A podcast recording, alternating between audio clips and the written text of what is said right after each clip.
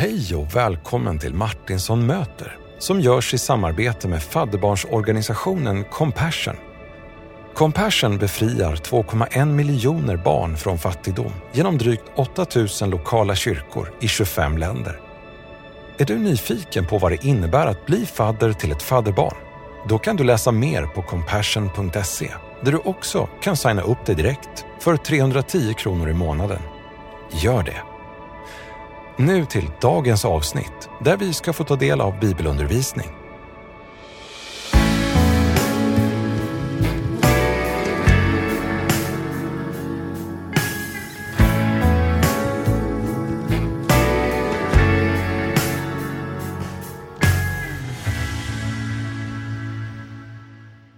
Så då vänner, då är ni varmt välkomna till Martinsson möter igen.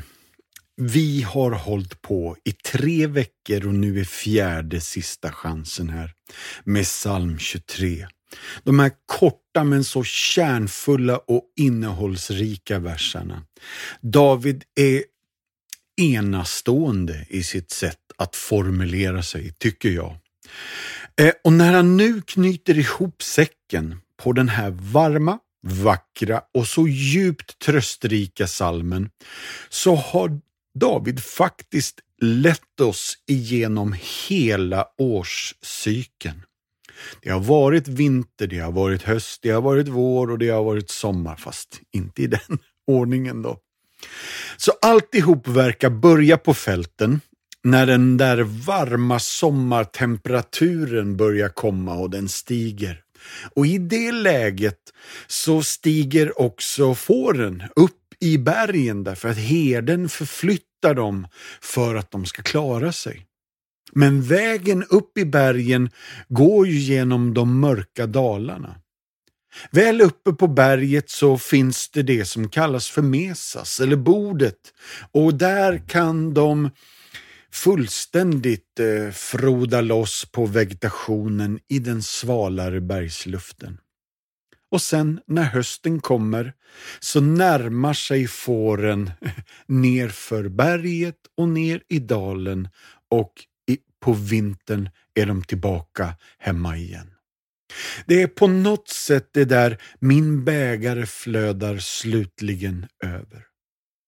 Så på vår kristna vandring och vår pilgrimsresa så leder vår Herre och herde oss också genom alla dessa årstider, alla dessa säsonger och i slutändan kommer vi en dag att slutföra cirkeln genom att gå hem till honom och vara hos honom, bo hos honom för evigt.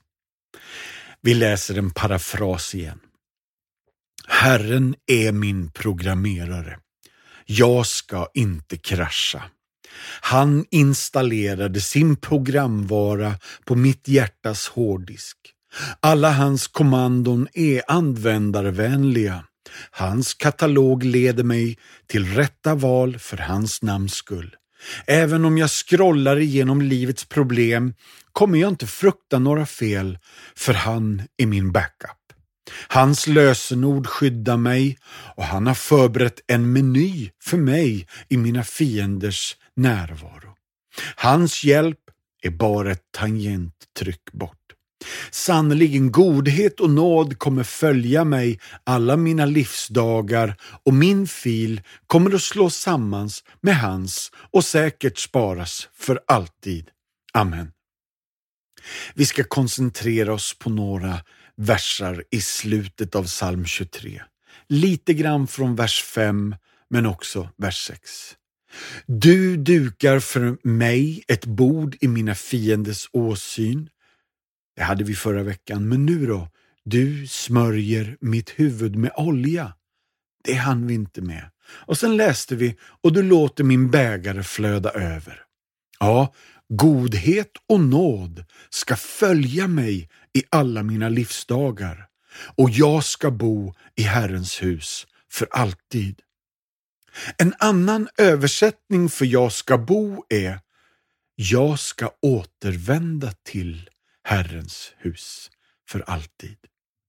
Det är en viktig poäng. att återvända till Herrens hus. För notera att salmen börjar med Herren är min herde och så avslutas den med Herrens hus. Här har vi hamburgaren igen. Vi har topplocket som säger att Herren är min herde och sen har vi bottenlocket som säger Herrens hus är mitt hem. Så vi är omringade och omgärdade av denna viktiga verklighet. Det är Herren med stort H. Det är inte vem som helst. Nu då? Texten säger Du smörjer mitt huvud med olja. Kommer ni ihåg Eddie Murphys film En prins i New York? Mitten av 80-talet någon gång. Jag tyckte det var fruktansvärt roligt. Det finns en lite motståndare till Eddies roll. En kille som verkar vara kär i samma tjej, eller jag vet inte ens om han är kär, men de är Ja, det är krångel mellan den här trion i alla fall. Och den här killen, motståndaren då, han har ett eget företag som heter Soulglow. Och de gör någon form av hårvax, eller något medel i alla fall, som smörjer in folks hår så det ser väldigt kladdigt ut. Kommer ni ihåg när hans mamma och pappa och mormor har suttit i en soffa och fikat lite och sen reser de sig upp alla tre och bakom dem, liksom i fåtöljen, så ser man cirkeln av vad huvudet har lutat sig, för det är fullt av fett och olja. Det, det, det är min bild när jag läser den här versen. Du smörjer mitt huvud med olja. Det finns så mycket att säga om det här, men om jag bara ska försöka samla mig lite Historiskt så har ju vi tänkt att det här med att bli smord med olja, det handlade ju om att vara kung, präst eller profet. Men i det här hänseendet så skulle jag vilja säga att det är lite större än så. Därför att bilden är ju att vi är får som blir smorda med olja och då är det inte att fåren blir smorda till präst eller kung eller profet. Så då måste vi fråga oss, vad vill bilden säga då? Då är oljan ett beskydd. Det är som en, en skyddande hjälm som innesluter fårets huvud. Därför att på sommaren kommer mycket flugor, myggor, eh, Skabb fanns det mer. Vad, vad hette de där näsflugorna? Som kröp in och la ägg i näsan på fåret och de där larverna kunde krypa upp i huvudet och göra fåren helt galna. Hör ni allvaret i att låta sig bli smord som får? Av den heden som vet mitt bästa. Och alla de där, nu då, referenserna till dofterna av oljan i Bibeln. Hela Bibeln dryper ju av doften av olja. Och det skulle jag nog vilja säga är, ska jag säga, lukten av Gud. När jag var liten, eller min pappa hade Old Spice After Shave. Och när jag känner den doften så är jag tillbaka som barn igen. Eller när jag doftar på barnängens barnschampo så minns jag minnen. Och LDB Lotion, då minns jag min mammas doft som barn. Eller min fru Therese, hennes grannar rökte inne så det var en speciell doft där. Eller hennes mormor bakade ofta, vilket gjorde att det var en underbar doft där. Hela bibeln doftar av denna goda olja. Det finns över 200 referenser som talar om olja i bibeln olja till ljus, lampor, lyktor, i templet och i hemmen. Du smörjer in dig med olja för att hela en torr hud. eller skydda huden ifrån det vi sa alldeles nyss, skabb och sånt. Eller olja för att hedra gäster när de kommer in ifrån gatan och festen ska börja. En bra värd smorde sina gäster med olja när de kom. Eller olja för att markera en helig plats. Eller olja för att bekräfta en tydlig överlåtelse.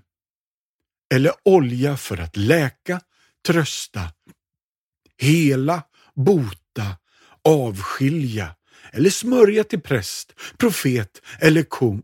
kung.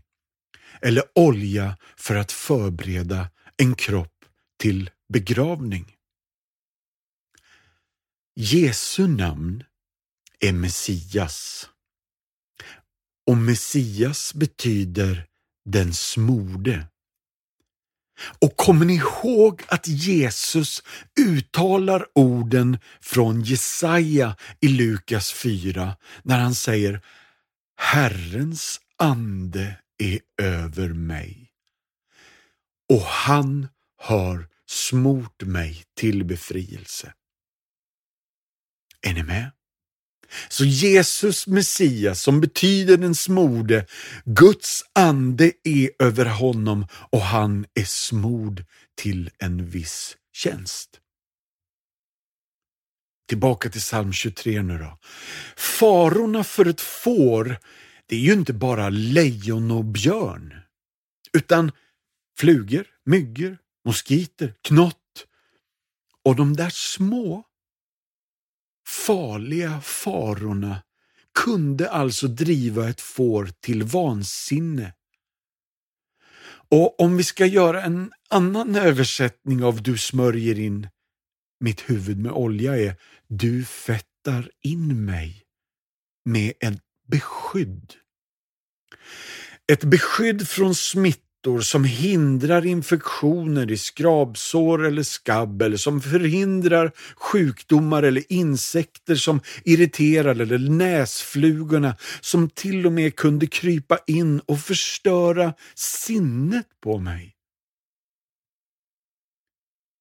Tro inte på allt du tänker och skydda din skalle från skit. Låt heden smörja in ditt huvud. För om han får göra det, lyssna nu då, du kommer inte att behöva tänka på vad du säger om du tänker på vad du tänker. Du kommer inte att behöva tänka på vad du säger om du tänker på vad du tänker. Lyssna på andra Korinthierbrevet 10 och vers 4 och 5. Vapnen vi strider med, de är inte kötsliga, utan vi har kraft från Gud att bryta ner fästen. Ja, vi bryter ner tankebyggnader och allt som reser sig mot kunskapen om Gud. Vi gör varje tanke till en lydig fånge hos Kristus. Så jag som får har alltså blivit smord av min herde och ibland kan man undra varför ska han kladda in mig överallt i näsan och öronen och hela håret, hela sommaren, varje dag. Varför är det här så viktigt? Jo, för att det är ett beskydd för hela mig. Lyssna här på Filipperbrevet 4 och vers 67.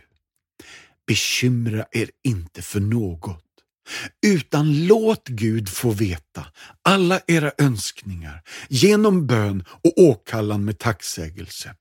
Då ska Guds frid, som övergår allt förstånd, bevara era hjärtan och era tankar i Kristus Jesus. Så låt Jesus Messias, den smorde, smörja in dig med sin heliga olja. Och att du sen låter den, olf, äh, den oljan omfamna dig, det var svårt att säga. Om du omfamnar att han vill smörja dig så kommer du att leva ett kraftfullt liv den oljan har många funktioner. Jag vill bara nämna några. Oljan vill avskilja oss till helighet. Oljan kallar oss till tjänst. Och oljan utrustar oss för tillväxt. Och oljan säger oss att vi är ämnade att fungera i helande tjänst. Så att du och jag omfamnar vår smörjelse, det leder också att vi lever ett liv i kraft som får en evig inverkan, åverkan och påverkan. Nu så blir det en liten paus från undervisningen och du ska få höra om vad Compassions arbete gör för skillnad i ett barns liv på riktigt. Det här är en berättelse rakt ur verkligheten. Nu ska vi ta några minuter och lämna bibelstudiet lite grann för att ge oss ut på Compassions arbete i fält. Och jag vill läsa för dig om Larry och hans familj. Det var en typisk ljus, varm och vacker dag i Larrys hemstad i Perus djungel. Larry lämnade hemmet tidigt på sin motorcykel som vanligt. Han hade äntligen fått ett stadigt jobb eh, som operatör av tung utrustning hos ett företag så att han kunde jobba där så länge han ville. Han visste att han måste arbeta hårt som ensamstående pappa för att försörja sina två döttrar.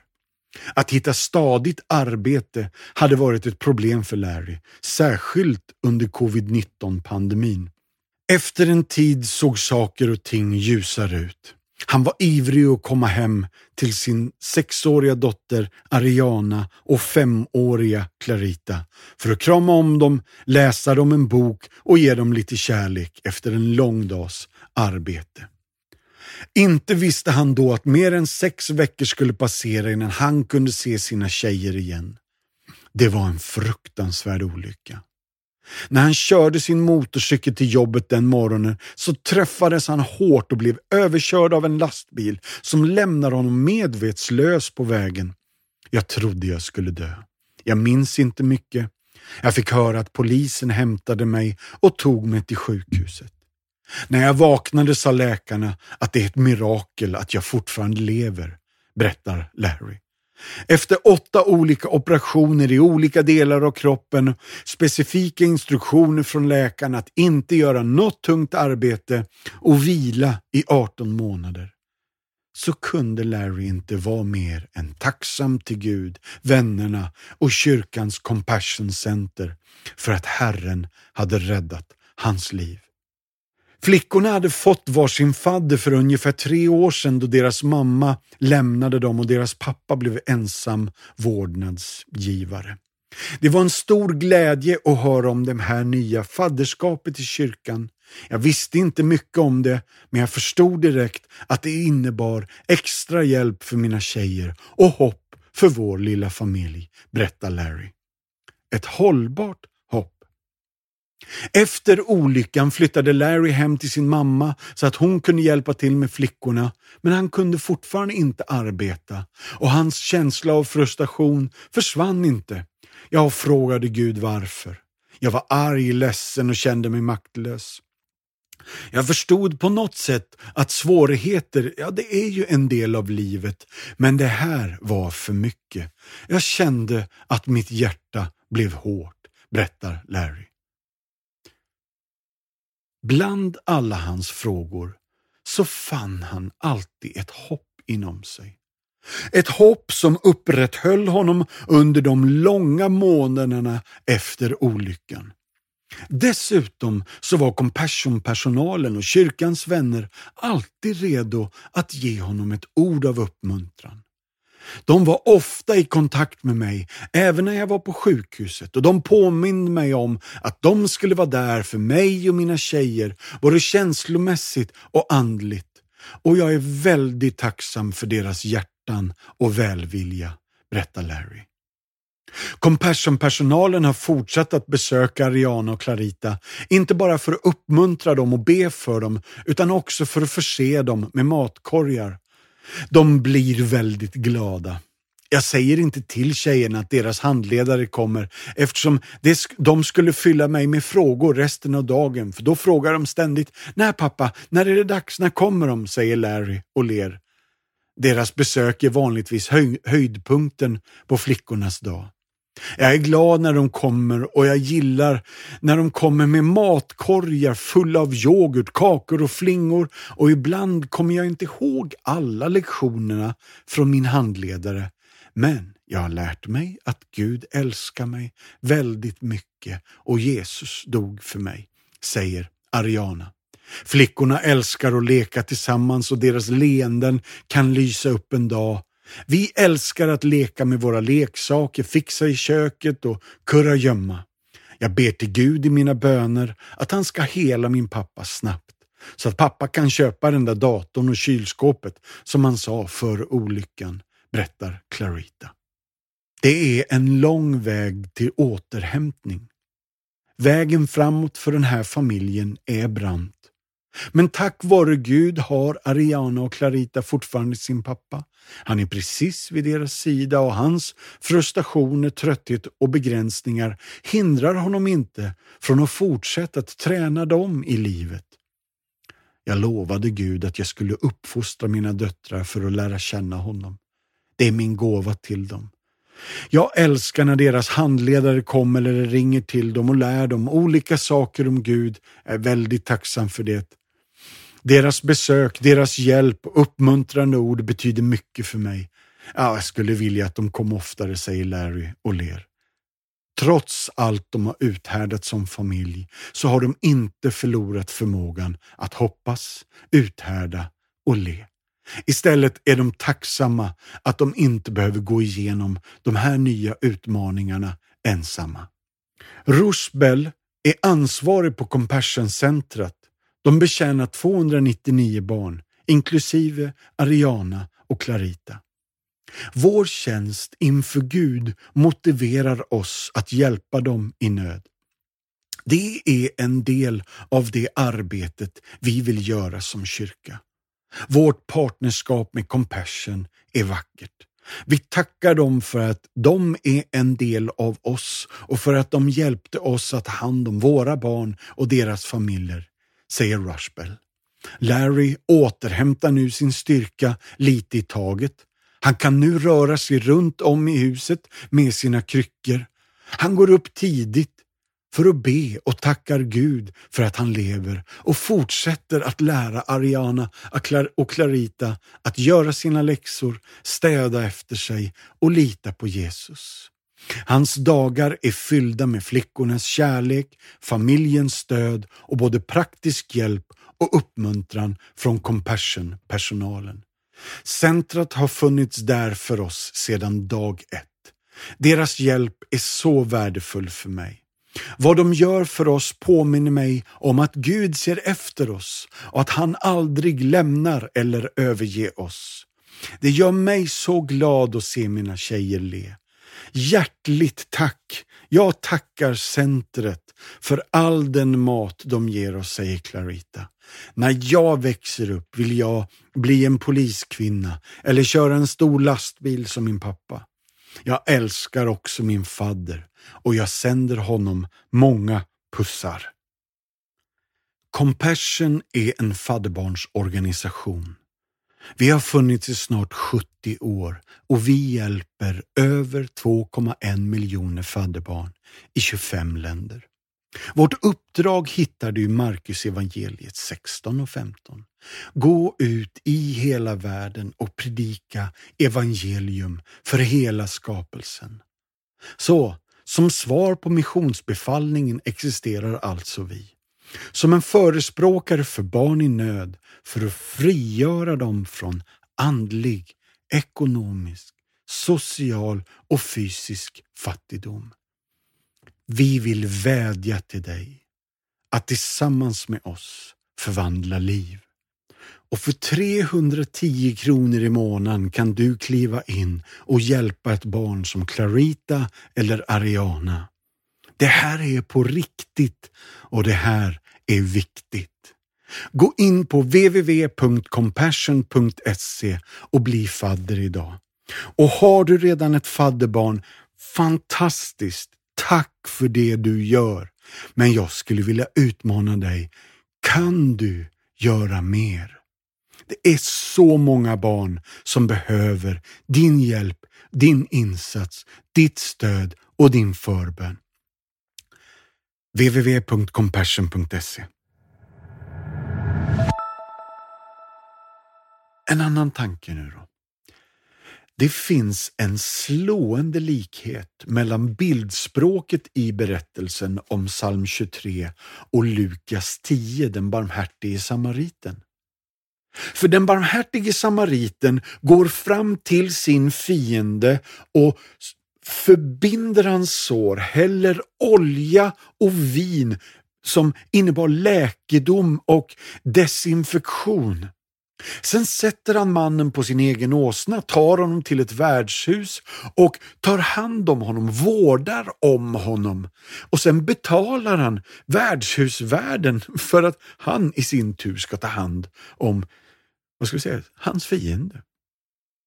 Det här vidgar ju bilden från psalm 23 som visar på Jesu gästfrihet. Den sträcker sig över till de som borde vara Jesu fiender. Och de chockerande elementen i liknelsen om den barmhärtige samariten, det är ju att det finns djup fiendskap mellan judar och samarier. Och ändå visade samarien, den judiske mannen som har blivit slagen, han visar honom samma typ av omsorg och gästfrihet som beskrivs i hela psalm 23. Han tog honom till ett värdshus, hör ni genklangen av du bereder ett bord framför mig. Och han hällde olja och vin på hans sår och i relation till du smörjer mitt huvud med olja. Och vad är det som händer här nu då? Jo, det är godhet och nåd.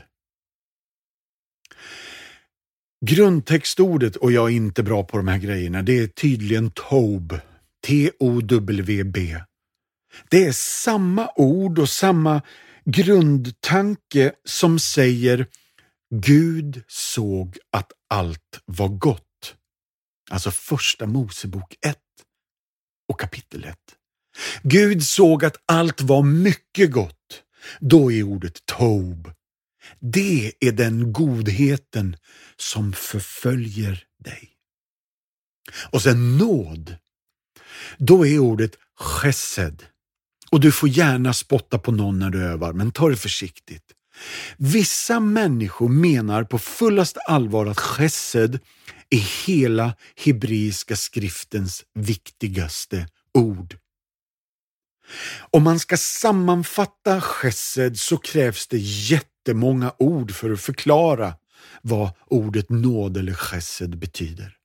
Några av orden är trofasthet och kärlek och förbundskärlek. Och Andemeningen är att Gud kommer att vara för dig även om du är emot, sviker eller överger honom. Och någon har sagt att tåran börjar och slutar med chesed. Det är godheten och nåden. Och sen är det ordet följa mig. Det hade faktiskt varit bättre om det stod förfölja mig. För det är så ivrig den här godheten och nåden är. Det är inte en stillasittande, liksom lite gäspig godhet. Det är inte en nåd som liksom, ja, vi tar det sen, utan här är det jagar efter mig. Det är nästan så att det i undertexten står You can run but you cannot hide. Så när vi ibland tänker det känns som det är någon som förföljer mig. Då säger David Japp, det är något som förföljer dig, nämligen godhet och nåd. Jag kommer att vara ett lätt byte för någon eller något. Något kommer alltid att fånga min uppmärksamhet. Gud är inte den enda som jagar mig på den här savannen. I första Petrusbrevet 5 och 8 var nyktra och vakna. Er fienden går omkring som ett rytande lejon och söker efter någon att sluta. Nej, inte sluta. Nu, han söker efter någon att sluka, står det. Ännu värre. Hörni, att se det onda, det kommer tyvärr naturligt för oss. Men att se det goda, det kräver lite mer avsiktlighet av mig. Så jag måste medvetet söka det goda. För det kommer tyvärr inte alltid så uppenbart eller så tydligt. Jag behöver alltså lära mig att se samma sak, samma situation från två håll samtidigt. För lyssna nu. Tidigare i salmen så har vi varit förföljda. Nu är vi förföljda igen. Men förra gången var vi förföljda av ondska och mörker i dödsskuggans dal. Med fiender emot oss. Men nu har Gud tagit oss ut ur dalen och vi är fortfarande förföljda. Men den här gången är vi förföljda av idel godhet och bara nåd. Så det är samma berättelseprincip, men det är helt andra slutsatser. Jag hoppas ni hör mig här. Den norska översättningen säger ”Bare godhet och misskunnhet skall etterjage mig alle mitt livs dager, och jag skall bo i Herrens hus genom lange tider”. Så i förra versen kände sig psalmisten jagad av fienden, men nu är han jagad av godhet och det är skillnad. Jag har en liten kompis. Han håller på att växa upp nu, jag ska inte ens säga hans namn. Men för några år sedan så minns jag hur mycket vi tyckte om varandra och hur mycket han tjötade. Det var stalking på gränsen till polisanmälan. Han var min vän och jag var hans vän, men han tjötade hål i huvudet på mig. Jag önskar att du och jag skulle mer kunna bli medvetna om att vi är faktiskt inte bara förföljda av ondska, utan det finns en godhet som har jagat upp oss. Det finns en nåd som kommer och uppsöker oss och vill fylla våra liv med något annat.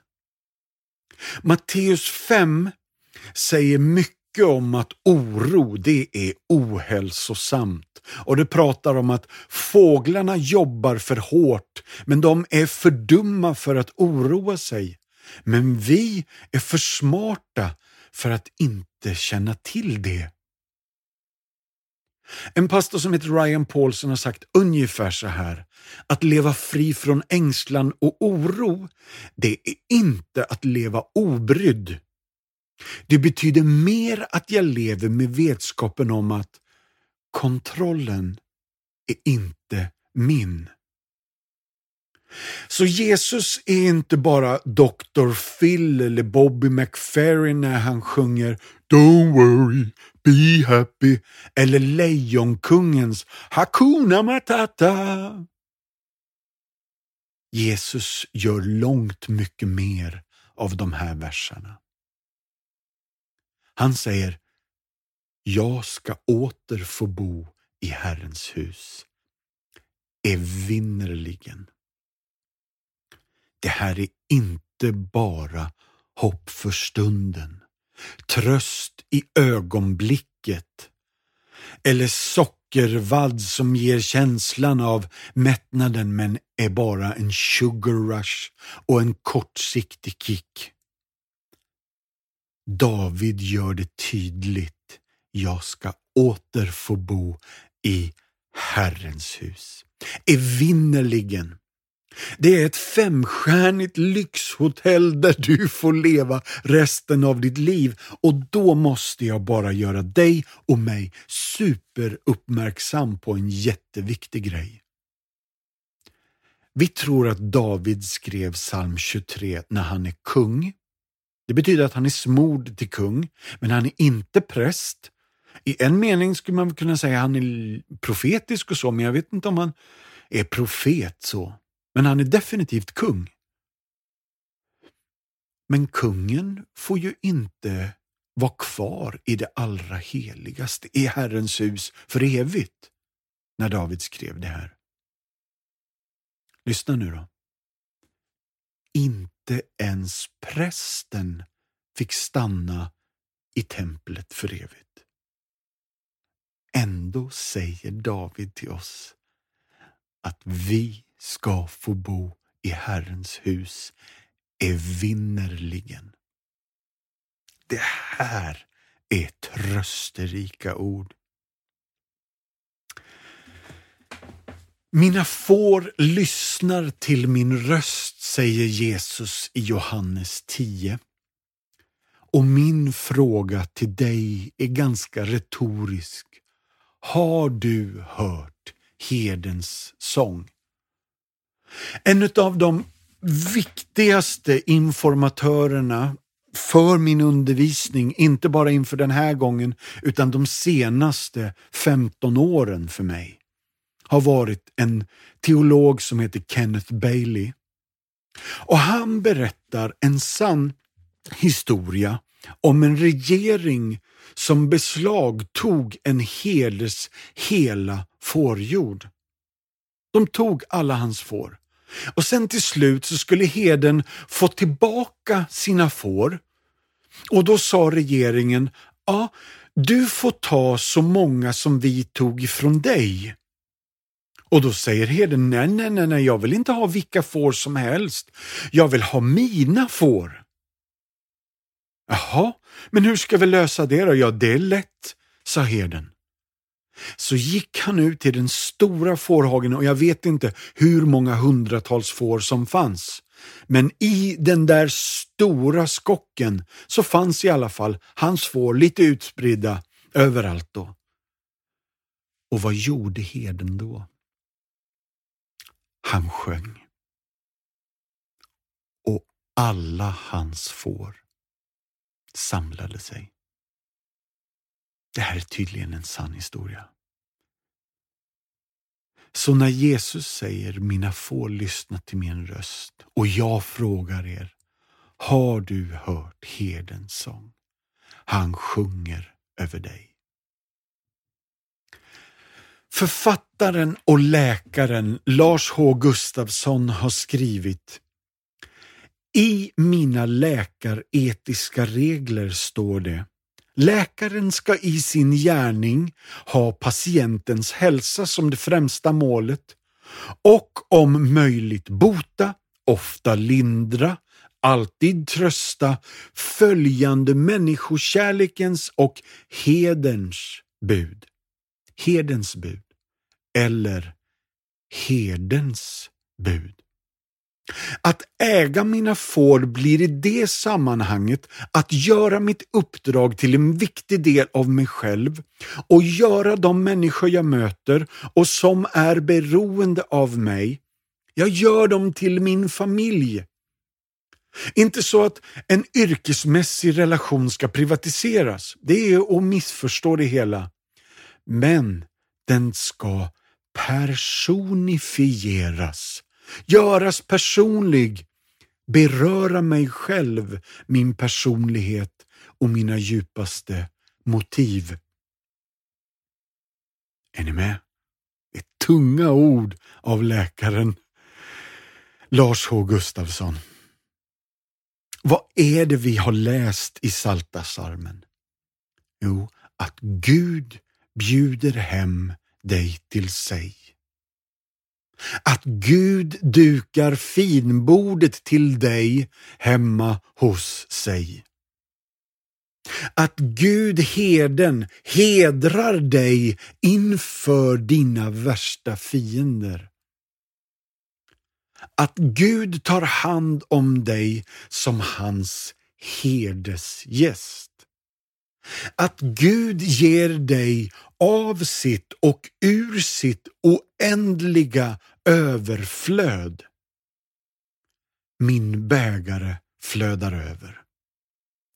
Det finns en judisk beskrivning av att man ska eh, ge sin vän en bägare och låta det vinet rinna över. Så Guds hus är ditt hem och du får det du inte förtjänar. Inget är ju som att sova i sin egen himmelsäng. Så helt enkelt säger salmen, det ska bli gott att komma hem. Och om du vill att Jesus ska mätta din själ så behöver du låta honom leda ditt liv. De här fyra bibelstudierna har haft ett mycket enkelt syfte. Vi kan misströsta i livet, men vi ska inte låta missmod bli vår livsstil. Därför att herdehoppet håller. Halleluja.